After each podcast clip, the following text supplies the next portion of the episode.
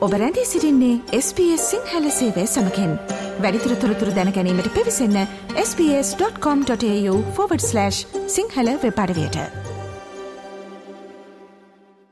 ඔබ SBS Sinhala කුවන් විදිලිය සමකෙන්. SBS Sinhala ගුවන්නෙදිලිය හැමදාමත් වගේ ඔස්ට්‍රලියාවේ කාලීන වශයෙන් වැදගත්වන කාරණා සම්බන්ධයෙන් ඔබව දැනුවත් කරනවා. මේ දවස්වල විශේෂයෙන්ම මේ මානසික සෞඛ්‍ය පිළිබඳව මානසික සෞඛ්‍ය ගැටලු පිළිබඳව දැඩි අවධානයක් එමු කරනවා. වයස් පරතර එනතම් වයස්කාණ්ඩය කෙසේ වෙතත් මේ මානසික ගැටලෝලින් පීඩාවිදින පුද්ගලයන්ව දැනුවත් කරලා ඔවුන්ව ඒ අර්බුදවලින් බේරගන්න ගැටලෝලින් බේරගන්න රජය ඇතුළු විධ කණ්ඩෑම් ඉතාම ක්‍රියාශීලීව ක්‍රියාත්මක වනවා.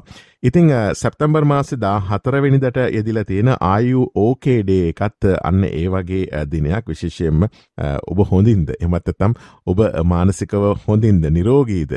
ඔබේ මානස්ක තත්වය පිළිබඳව නැවත හැරිලා බලන දිනයක් විදිර තමයි හැඳින්නෙන්නේ මේ ආයෝකේඩේකට සමගාමීව මෙල්බන් කලාපේ බෙරික්වල බෙරික් ශාක්‍යමුණි සම්බුද්ධ විහාරයට අනුබද්ධ ශාක්‍ය යොවුන් කණ්ඩෑම විසින් තවත් අපූරු කටයුත්තක් සංවිධානය කරලා තිනවා මේ ඔස්ට්‍රලයාාවේ තරුණ වැඩි හිටියන් ඇත්තන් තරුණ දරුවන් සහ විශේෂෙන්ම උන්ගේ දෙමාපියන් සඳහා මේ ලයිටප් මයින්ස් නමින් නොමිලේ පැවැත්වෙන මානසික සුවතා වැඩමුළුවක් සංවිධානය කරලා තියෙනවා. සැප්තැම්බර් විසි හතරවෙනිද තමයි මේ කටයුත්ත පැවැත්වෙන්නේ. ඉතිං අපි හිතුවා ඇයි මේ තරුණ වැඩිහිටියන් මෙහින් ඉලක්ක කරගන්න විශේෂම තරුණ දරුවන් සහ දෙමාපියන්ව ඉලක්ක කරගන්නේ සහ මොකක්ද මේ වැඩමුළුව කියලා ඔබට තොරතුරගෙනන්නට SBS සිංහල සේවෙන් අපි මේ සාකච්ඡාවට සම්බන්ධ කරගන්නවා බෙරික් ශාක්‍ය මුණි සම්බුද්ධ විහාරයට අනුබද්ධ ශාක්‍ය තරුණ කණ්ඩාමේ සම්බන්ධ සම්බන්ධිකාරක චම්පික යටකම මහතා.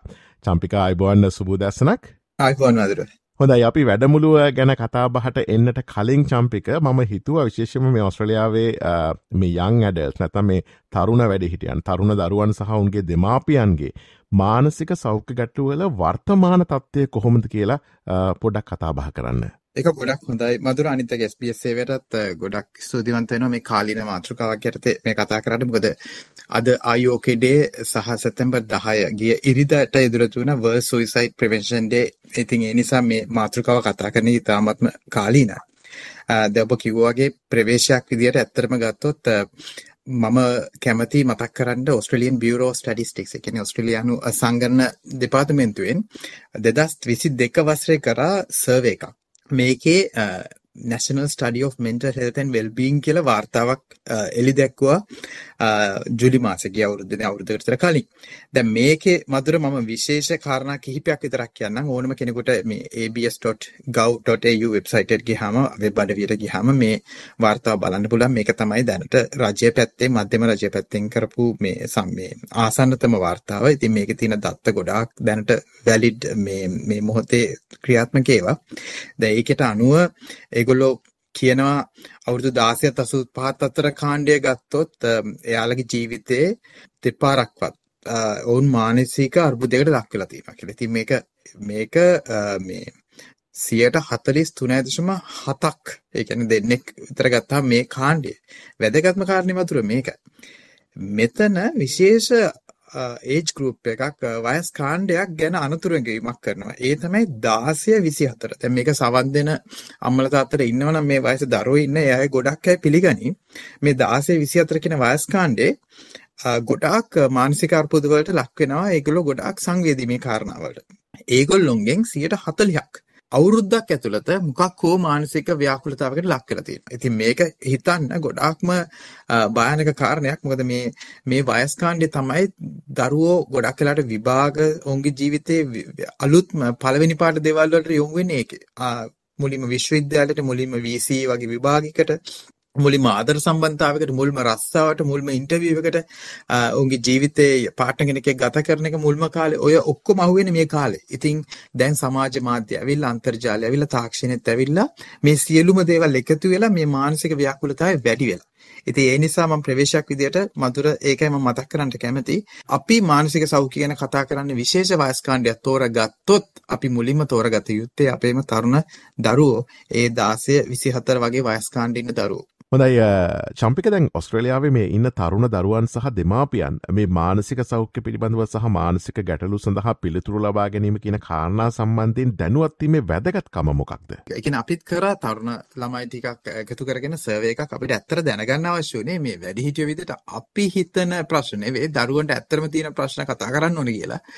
ඒකෙදි මధుර පැහැදිලිවම අපි ඇත්තටම හිතුවේ එක්සෑම් ස්ට්‍රෙස් වගේ දෙයක් වැඩිපුරම ඉල්ලයි කියලා. නමුත් විශ්වාස කරන්න ඇත්තට මේ දරුවෝ මුලින්ම ඉල්ලුවේ රිලේෂන්ෂිප් ඉෂුස් කියන කාරණාව. ඒක අපිටත් ඇත්තටම අර අපි කියන්නේ වේක් අප් කෝල් එකක්. ඒ කියන්නේ අපි අපිත් ඇස් ඇරවපු දෙයක්. අපි ගොඩක් ලාට හිතන දරුවෝ පීඩෙන් ඉන්න විභාග ආතතිය එහෙම නිසා කියලා. ඒකත් තිබුණා.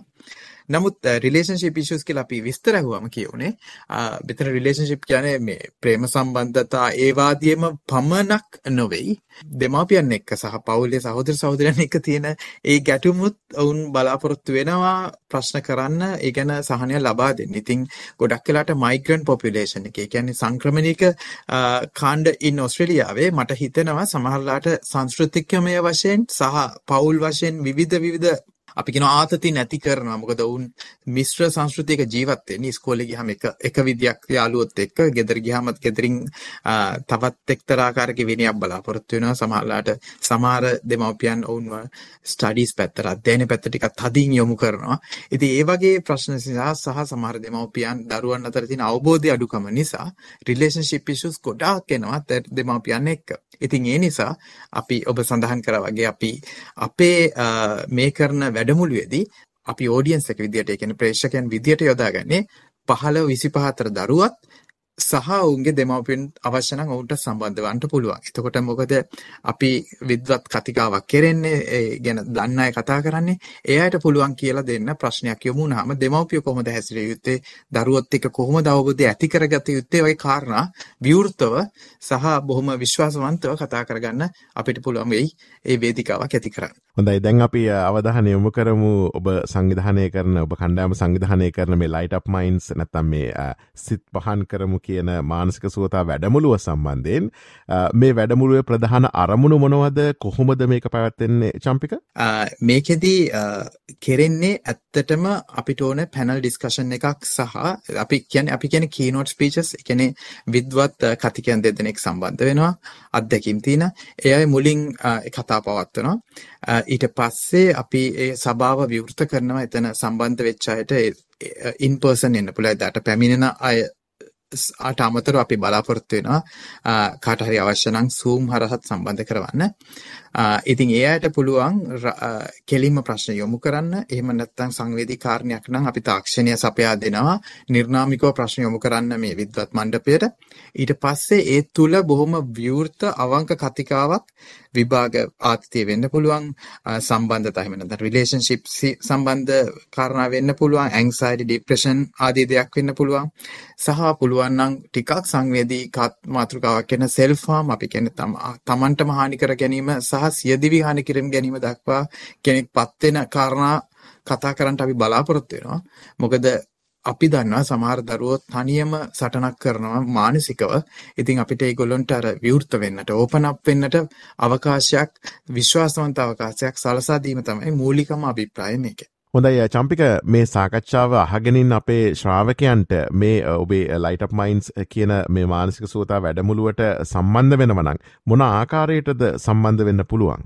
ඔවමදුර අපි ඇත්තටම මේක මුලින්ම තියන බලාපොරොත්තුනේ සැප්තැම්බර් 10. මොකද එදා තමයි World Suicide Prevention Day තිබුණේ. නමුත් ඊට පස්සේ අපිට තේරුණා මේ වැඩි පිරිසකට මේකට සම්බන්ධ වෙන්න පුළුවන් වෙන්න වඩා හොඳ පහසුකම් සහිත තැනකට සහ විශේෂයෙන්ම තරුණ දරුවෝ ගොඩක් වෙලාවට public transport නේද? සහභාගී වෙන්නේ. ඉතින් ඒ අයට එන්න පහසු තැනක් හොයාගන්න ඕන කියලා. ඒ නිසා අපි බෙරික් ස්ටේෂන් එක ගාවම තියෙන මේ චිසම් ටේෆ් එක. ඒකේ අපි හොඳ ශාලාවක් හොයාගත්තා. ඉස්කෝලේ නිවාඩු කාලේට අපි මේක කල් දැම්මා. එතකොට අපි දැනගත්තා දරුවෝ ගොඩ දෙනෙකුට කෙනෙකුට අමතර පන්ති ඔය ක්‍රීඩා සම්බන්ධකම් නැහැ. ඉතින් ඒ ළමයින්ට සම්බන්ධ වෙන්න පුළුවන්.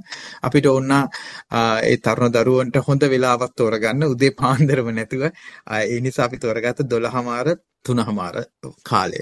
ඉතින් එතකොට අපිට තේරෙන දරුවන්ට නොමිලේ වැඩසටහනක් තියෙනවා. අපි රිෆ්‍රෙෂ්මන්ට්ස් අපයනවා. සහ අපි අදාළ ගුඩීස් කියන අපිට ඔය මේ ඒ කතිකයෝ දෙන කතා පවත්තන කතාවලට අදාළ ලිය කියවිලි ආදී අපි නොමිලේ ලබා දෙනවා. ඉතින් එහෙම පහසුකම් අපේ සපයා තියෙන දාට සම්බන්ධ වෙන අයට ඒකට මම දවස කිව්වා සැප්තැම්බර් 24 12 මාරි ඉඳලා 3 මාර වෙනකම් චිසොම් ටේෆ් එක තියෙන්නේ. ඒ කෙලින්ම සම්බන්ධ වෙන අයට නොමිලේ වැඩමුළුවක් වුණාට අපි ෆ්‍රී ටිකට් එකක් අපි අර ආසන කලින් වෙන් කර ගැනීම වෙනුවෙන් සකසා තියෙනවා මේ ඉවෙන්ට් බ්‍රයිට් කියන ප්ලට්ෆෝම් එක හරහා. ඉතින් ලේසිම විදිය මේ ෆ්‍රී ටිකට් එකක් ලබා ගැනීම මේ නොමිලේ ප්‍රවේශ පත්‍රයක් ලබා ගැනීම මේ ඉවෙන්ට් එකට ගිහිල්ලා රෙජිස්ටර් වෙන එක. ඒකෙදී අපිට පුළුවන් වේවි මේ අදාළ ආසනය වෙන් කරගන්න අපිට ඉදිරියේදී ආසන වැඩි සියල්ල පිරී ගියොත් දැන්ට ගොඩක් පිරලා තියෙන්නේ. පිරී ගියොත් අපි ඉදිරියේදී බලාපොරොත්තු වෙනවා zoom option එක. ඒ කියන්නේ දුරස්තව මාර්ගගතව සම්බන්ධ වන්නට අවස්ථාවක් උදව් කරන්නේ. ඒ නිසා මම ඔබට ඉල්ලා සිටින මේ ආසන ඔබට බලාපොරොත්තු වෙනවා දැම්ම මේ වෙබ් අඩවියට ගිහිල්ලා විස්තර ලබා ගන්න. මම හිතන්නේ මధుරත් අදාළ වෙබ් අඩවිය SBS නාලිකාවේ වෙබ් අඩවිය සඳහන් කරાવી vihara.org.au ඒ තමයි ශාක්‍යමුනි සම්බුද්ධ විහාර වෙබ් අඩවිය vihara.org.au මෙම වෙබ් අඩවියට ගියා නම් ඔබට මීට අදාළ නිල පත්‍රිකාවත් ඒ අදාළ සියලු විස්තරත් එයින් ලබා ගන්නට පුළුවන්. හොඳයි චම්පික අවසාන වශයෙන් අපි සඳහන් කරමු මේ ලයිට් අප් මයින්ස් කියන මානසික සූතා වැඩමුළුවට සහභාගි වන ප්‍රධාන දේශකයන් නැත්නම් උපදේශකයන් කවුරුන්ද කියලා. අපිට ප්‍රධානශකයන් දෙදෙනෙක් සම්බන්ධ වෙනවා වෛද්‍යවරයෙක් සම්බන්ධ වෙනවා ඔහුගේ නම ගිහාන ජයවීර. එතුමන් ගොඩාක් අත්දැකීම් තියෙනවා මේ සම්බන්ධව ප්‍රතිකාර දීලා.